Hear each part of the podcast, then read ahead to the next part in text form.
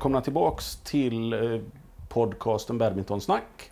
Vi har nu haft ett litet sommaruppehåll men nu är vi tillbaka i, i full fart och god form igen. Och idag har vi med oss en mycket prominent gäst, eh, Oliver Pongratz, vår nya förbundskapten.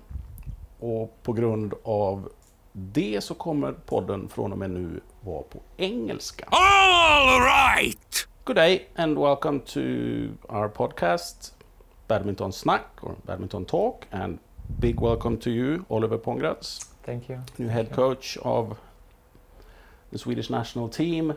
Welcome to Uppsala. Welcome to Fyrisfjädern. Welcome to Eurocenter. Welcome to yeah. Welcome to everything, Thank you. more or less. It's an honor Yeah. honor to have you here, and we really appreciate that you Mhm. you could find the time. We have a couple of questions. We're just going to alternate, Gert and I, back and forth. So, Gert, maybe you can you can get started. Yeah, hello. Uh, It's good to see you all, and especially good to see you, Oliver. Uh, as uh, Stefan said, it's, we're very happy to have you in Uppsala, and we thought that uh, it would be very nice to have a little podcast with you and sp- speak a little your background. Uh, and um, maybe you can shortly describe to all the listeners um, about your background um, as a player and the coach. Yeah. Yeah. Uh, first of all, thank you for the warm welcome uh, here in Sweden. Um, yeah. Um, I, I have been also a player, as you said, and um, I started uh, playing when I was six years in Germany. I'm originally from Germany. So I started playing when I was six, and then uh, yeah, I was quite successful. And my biggest dream was always to be a professional. And yeah, when I was 17, I moved to the Olympic Center in Germany, and then it started. Or I started my career there. Um, yeah, I'm married. I'm 47 years old. Um, I'm. Um, I have. We have three kids. My wife is from Denmark. So, um, uh, and um, yeah, um, that's that's all for the moment. Yeah, and um, a little bit more background as your as a player. You have been playing men's singles mostly. Yes. And you've been ranked top 10 in the world. Yes. Um, yeah. When I was starting, I only played uh, this men's singles international. I mean, the club matches, I also played the double, but I concentrated on the single when I was playing international. Yeah, my highlights has been uh, the Olympics '96 in uh, Atlanta, and then uh, it was number nine in the world ranking. In the men's single was '97. I had my best ranking there. So, but um, yeah, also a lot of other uh, successful tournaments. Um, I've never won a medal, uh, but uh, I had some big success in uh, all the Grand Prix tournaments and all the uh, European circuit tournaments. So yeah, but unfortunately, I've never won a, a medal. Yeah, but it still sounds awesome results you have been be doing on uh, international level, and Mm. and that must must be great as uh, as a coach to have that in in the uh, luggage, if you can say Yeah. so. Uh, but how would you describe yourself as a person? Uh, you obviously have been very goal orientated and training very hard, and so. But how Mm. would you describe yourself as a person? I think if I have to describe myself, I'm. I think I'm quite disciplined. Maybe it's typical German. I don't know, but I'm quite disciplined. Um, I'm ambitious. Yeah, I think I'm always honest to myself and always honest to the players or to the people around me. Um, yeah, and I'm. I'm also tidily. Yeah, in one way. So. Uh, but I, I, I need I need it, and I also need that schedule every day. I, I'm a, I'm a person who needs a schedule, so I know what to do. Um, this is really important for me. But I think these are the most important properties about myself. I, I have seen you down on court quite a few times. I've been hunting you down here, but I haven't been able to catch up with you because you're always somewhere else. Uh, you've been doing quite a lot of footwork exercises, at least compared to what I've seen with previous coaches and so on. And you also have really fast feet.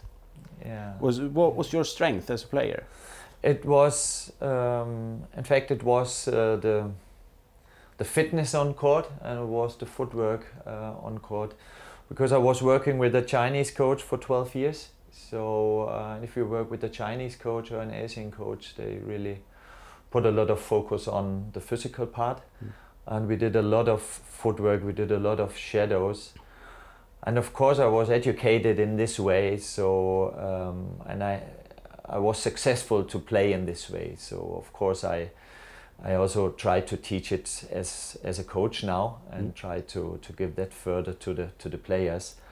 Um, but not it's because of I did it. I think it's in general it's a, a very important thing. I mean the footwork and and the, the, the physically part is is so so big. Um, uh, even you're not the best with the best technique, you can you can do a lot of with your physic physical strengths. So uh, it always has been very important for me. What, what is your view of the physicality, so to speak, of the Swedish players? Are they are they strong, or are there lots of room for improvement? Of course, there always uh, there's always place for improvement, uh, but I think actually they're they're quite fit. But it's also difficult for me to to say because of, of the situation now. We had Corona here. I, I don't know the, the exact situation here in Sweden, but in Austria, Germany, we had the lockdown at the 13th of uh, March, and then we couldn't practice in the hall. So um, the shape of the players was quite different. So we didn't we didn't practice that much in the hall. Um, but I, when I come here and um saw the players, I think they are in a quite good shape. Uh, I mean, you always can improve, but um, they're quite good, and so uh, it's it was easy for me to start because they already had a good basis. Um, so uh, we could start immediately on a on a very high level. Uh, so it was it was good to see. They, they seem to enjoy it. Uh, I've seen lots of smiling faces, and they really put in a lot of hard work. What was the? You come from Austria now. Yes. You were national head or head coach for the Mhm. Austrian national team. What's what's the biggest difference so far between Austria and Sweden, badminton wise? Yeah, I think the biggest difference is the mentality and the personality of the players. It's not. I mean, if we are talking about structures and and so on, it's it's similar to a lot of other European countries, I think. But uh, the biggest difference for me is um, the mentality and the personality of the players. The mentality is really, yeah, the Austrians are are nice people, but if if we talk about the competitive sport or the professional sport, then it's uh, different opinions about that. So it it uh, it took me a lot of energy to to bring them on the right way and to convince them and to show them uh, what it means to be a professional. So this is, I think this is it was the biggest difference between the Swedish and and um, the Austrian. All right. Get. Yeah, but um, it's very interesting to, to hear that about just mentality. Uh, uh, and what, what what are the positive things that you would like to take with you to, as a new national coach to Sweden? And you've also remember that you yourself have been going through the German system and work with an Asian coach. Um, the things that you, you feel that you, you would like to develop uh, now as you're here as a new coach um, just for for our players and what do you think are the main ingredients you would like to push a little more Uh, I think it, to be a coach, it's the most important thing for me is always to realize and to remember that we work with humans. Yeah, we don't work with machines or something like that. We work with humans. I mean, it's also important to talk about techniques and tactics and all these things.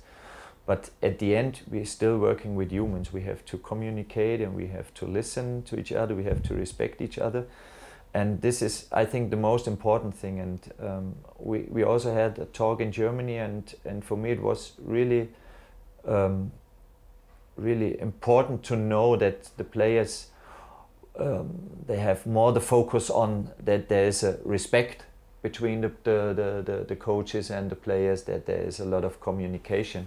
We didn't talk about so much about techniques or, or tactics.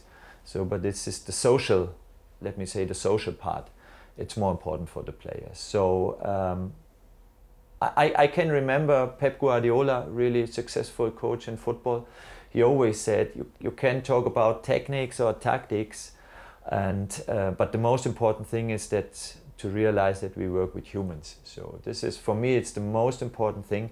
I, I don't change when I when I enter the hall. I have my same personality. I, I go in the hall like the person I am. Try to try to do my best uh, and try to listen, try to speak to the players, try to put myself in their positions because I have been a player myself, so it's easy.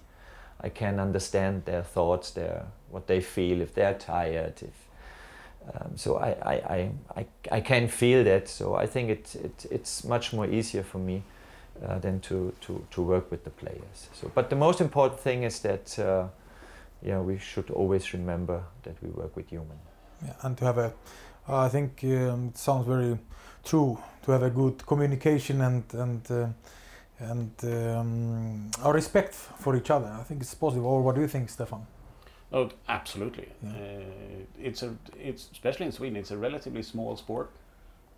Uh, we really need to make sure that we keep the players we have, especially the young ones who are now 17, 18, 19 years old, so they stay in the sport and don't get tired. And then, of course, communication is extremely important because you have to feel good on court to Okay. perform well.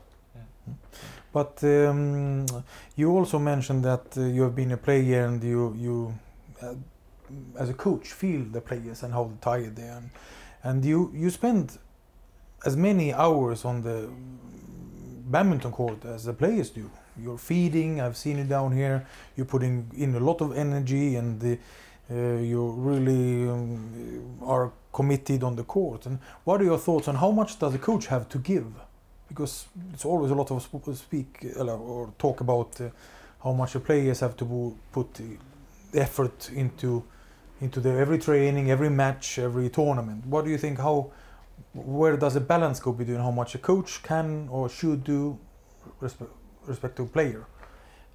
I mean, you always should do as much as you can.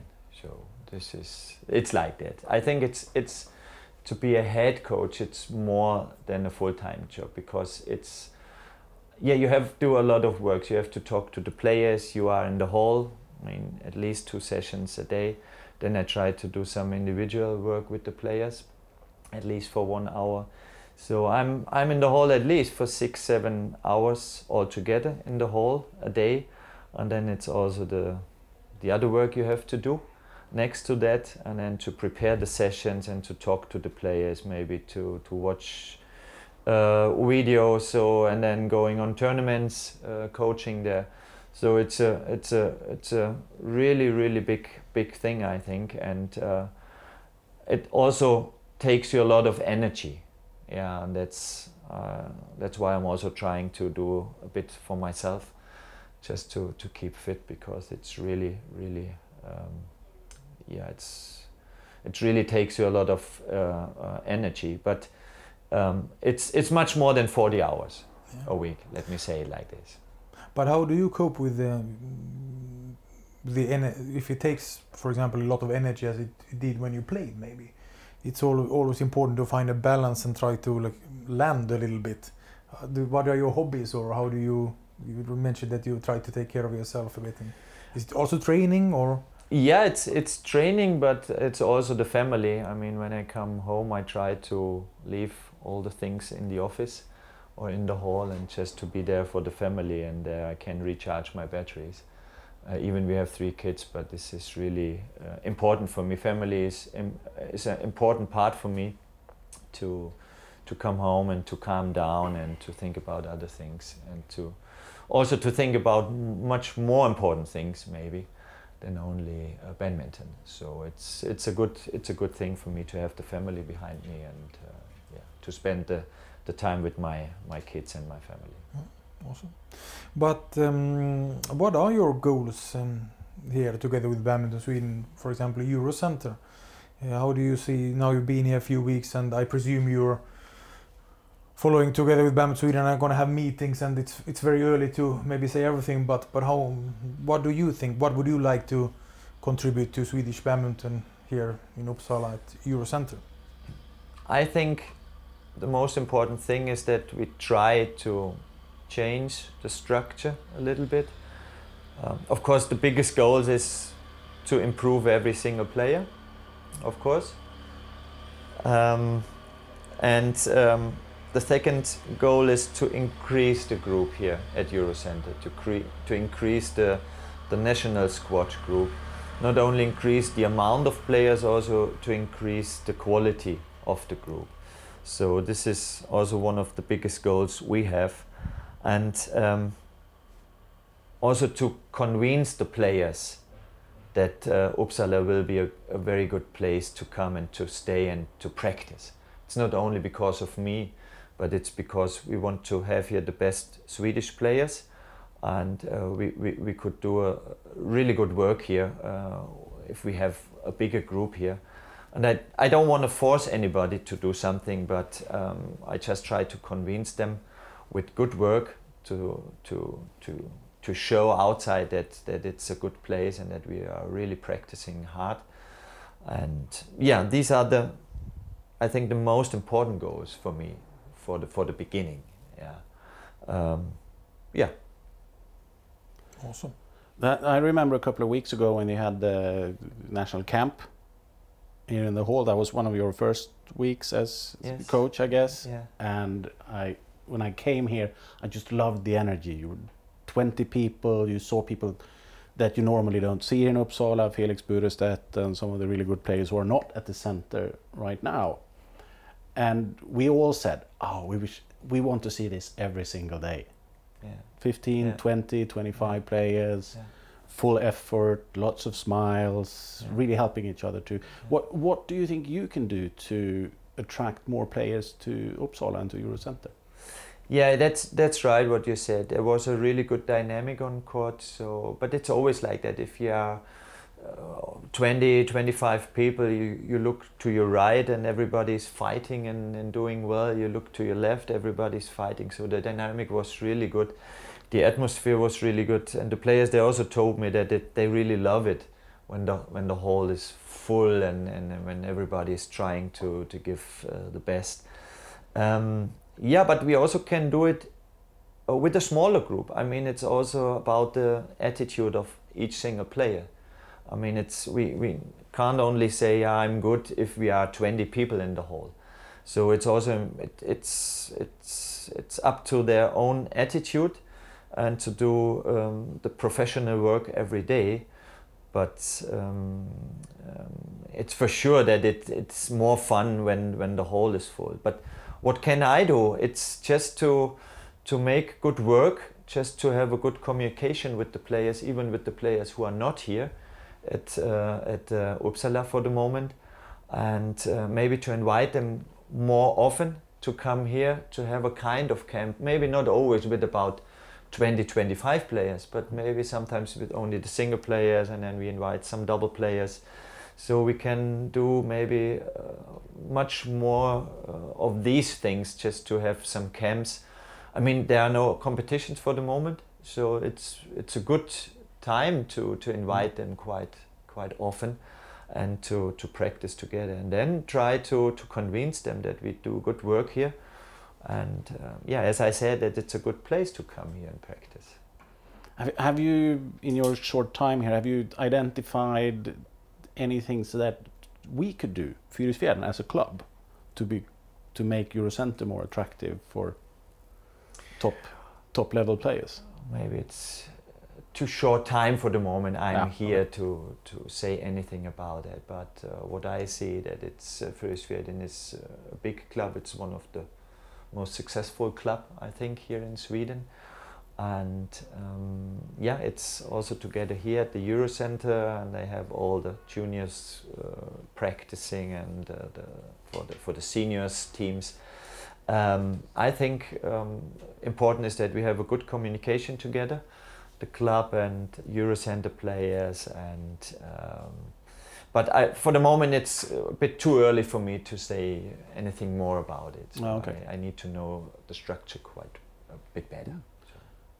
Please let us know if you come come up with any good ideas. We're happy to help. Yeah, yeah. I, I, I will, but I think we have talked about a few things already. Mm. So, um, and it's just what we can what we can change and what we can realize. So I don't know, but uh, there are a few things, of course, which I would like to change for the players. Great. And the Swedish Badminton League, badmi- Badminton Ligan, has gone through some rather big changes the last couple of years with lots of Danish players coming here. So it really increased the level.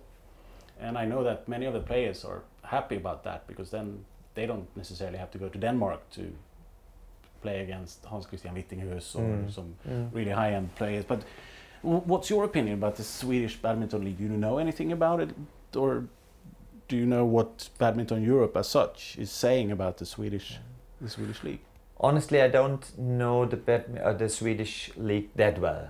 Yeah, but um, uh, since I'm here, um, yeah, we are also talking about the league, and I think it's a good thing because um, yeah, the quality gets better. If you get better players, the quality gets better, so they get better matches uh, when they have these um, team competitions. So. Um, all in all, it's it's a good thing to have good players here. Yeah, of course, but um, it would be also good if you can um, if you can keep the players also for the club. I mean that they don't only come and play for the club, the matches that they are also here, that they're involved into the club structure, maybe with practicing for the juniors, uh, something like that. So it's it's I think it's an important thing. I, I we, we had the same in, in Germany when I was playing. The German league was I think the strongest in Europe at that time. We had a lot of foreigners uh, at that time from Asians and really the top uh, players. Also, a lot of Swedish players played in the German Bundesliga at that time. But um, it was a pity because they just came for, for playing and they they left uh, immediately after the match. So there was not that. Um, the contact was not that good. Yeah, I mean they, they got a lot of money. I, I understand it, but uh, I wished that it uh, that the players could have done more for the club. Yeah, that uh, to to identify more with the club. And I think if, if if this happens, it's a good thing to have a lot of good players. And as you said, so the, our own players don't have to travel to, to Denmark or to other countries to play the, the league matches there. So it's it's a good thing and I think uh, it helps everybody. It's uh, life as a badminton player. I'm not a badminton player myself. I play, but I'm very bad. He's still trying to teach me. But I mean, you're you're an old player, and we all know that it's it's quite tough to make a living out of playing badminton. It's maybe if you're top 20 in the world, you probably make decent money with sponsor contracts and prize money and so on and so on. Is it the same for a coach? Is it is it a tough work work market, so to speak, out there? Yeah, I think it's a tough market for coaches. Yeah, I mean, if we don't talk about maybe the head coach positions in each country, then it's I think it's a tough market um, because the position as a coach is maybe not that well known, or uh, it's still. Um, where the, the people don't talk about. I mean, except football. Okay, if you're a football coach, this is different world. This is another world. But all the other sports, it's. I think it's. Um, this, we, we still have big problems uh, to make this this job more interesting, also for for former players. Yeah, which I really would wish that it would be would be different because all the players um, could be good coaches when they make their education, but the most of them they just say, yeah, but what can I earn? And this is a really big problem because, Mm. uh, of course, everybody has to see and everybody has to, and everybody knows what we have to earn for the family, for example. But this is a big problem, also a big problem in Germany. It's not only in badminton like this; it's all over. So um, the market is quite tough. Yeah, that's right. Uh, at the moment, you seem to be doing everything yourself. How is the search for an assistant coach going? Yeah, it's it's me for the moment. Um, um, yeah, I talked to Patrick, but uh, we we are about to find an assistant coach for me. But um, we we will do this process maybe in uh, to force this process maybe in um, October November Okay. because I said for the moment it's okay. I can handle the group myself. We don't go to tournaments for the moment, so I'm not away. So I'm the most of the time I'm here in, in, in, in Uppsala at the Eurocenter. But we will we will find we have to find an assistant coach uh, for me because when we increase the group, hopefully we do, uh, we, we, we need another person for that. Yeah. But for the moment, I, I, I can't say anything about that. Uh, Awesome. If you, if you listen to some of the really big names in badminton these days, Lin Dan, Taufik Hidayat, Peter Gade, Li Chongwei, and so on, they always talk about their love for the sport and how much they would like to sort of continue their own legacy to promote the sport of badminton. Uh, what what are your ideas? How do we get more people to play badminton? Yeah, I think it's yeah it's it's difficult, but I think badminton itself it's really developed quite well when I compared it to my when when I was playing. Now there's much more prize money. There's much more television now. It's much more professional. If you watch the, the, the tournament, I mean, almost every tournament uh, every tournament will be broadcast somewhere. So it's it's I think it's a really good thing. Also, most of the club matches in each country will be broadcast. For, so this is this is important. I think this is the most important thing um, that the people can see badminton in television or to stream it. And of course, the, the, the club structure is important. Um, I think it's quite well here in Sweden. I think so. I know it from Denmark. They have a very well working club structure there. Um, unfortunately, not in Germany, but uh, I hope they will improve.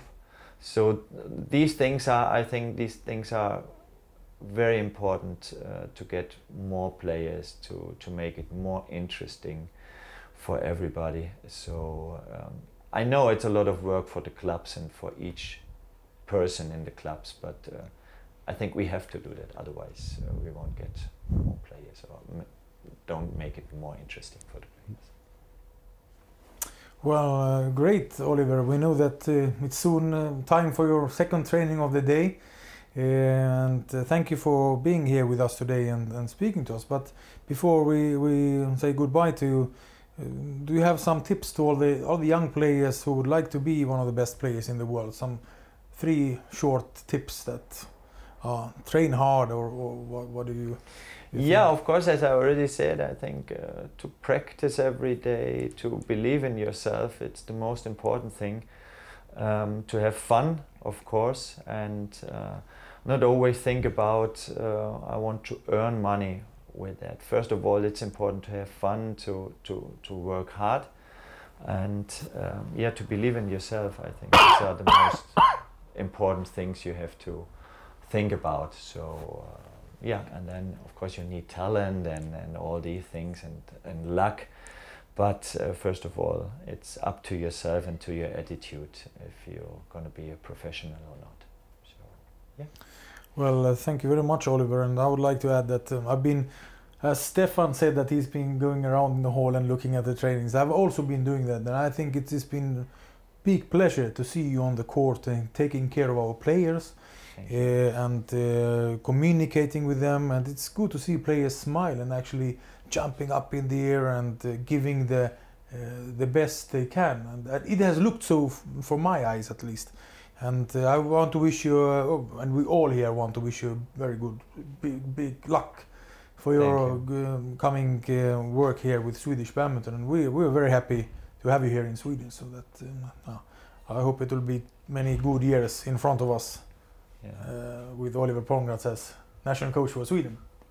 Absolutely. And if you find a nice house in Bärbyhage as well, you, you're never going to leave because it's a great place. yeah, we hope so. We hope so. Yeah. So thank you very much for Thank you. having me here. Thank you. So, I really enjoyed It it. was great So- having this little chat with uh, our new head coach, Oliver Pongratz. So once again, thank you very much. I will finalize this with a few words in Swedish so you can, you can practice. Just by listening. Men tack för idag hörni. Det var dagens avsnitt av Badmintonsnack. Och snart kommer vi tillbaks med lite nya spännande gäster. Så tack för idag. Ha det bra hörni. Hej då. Hej då!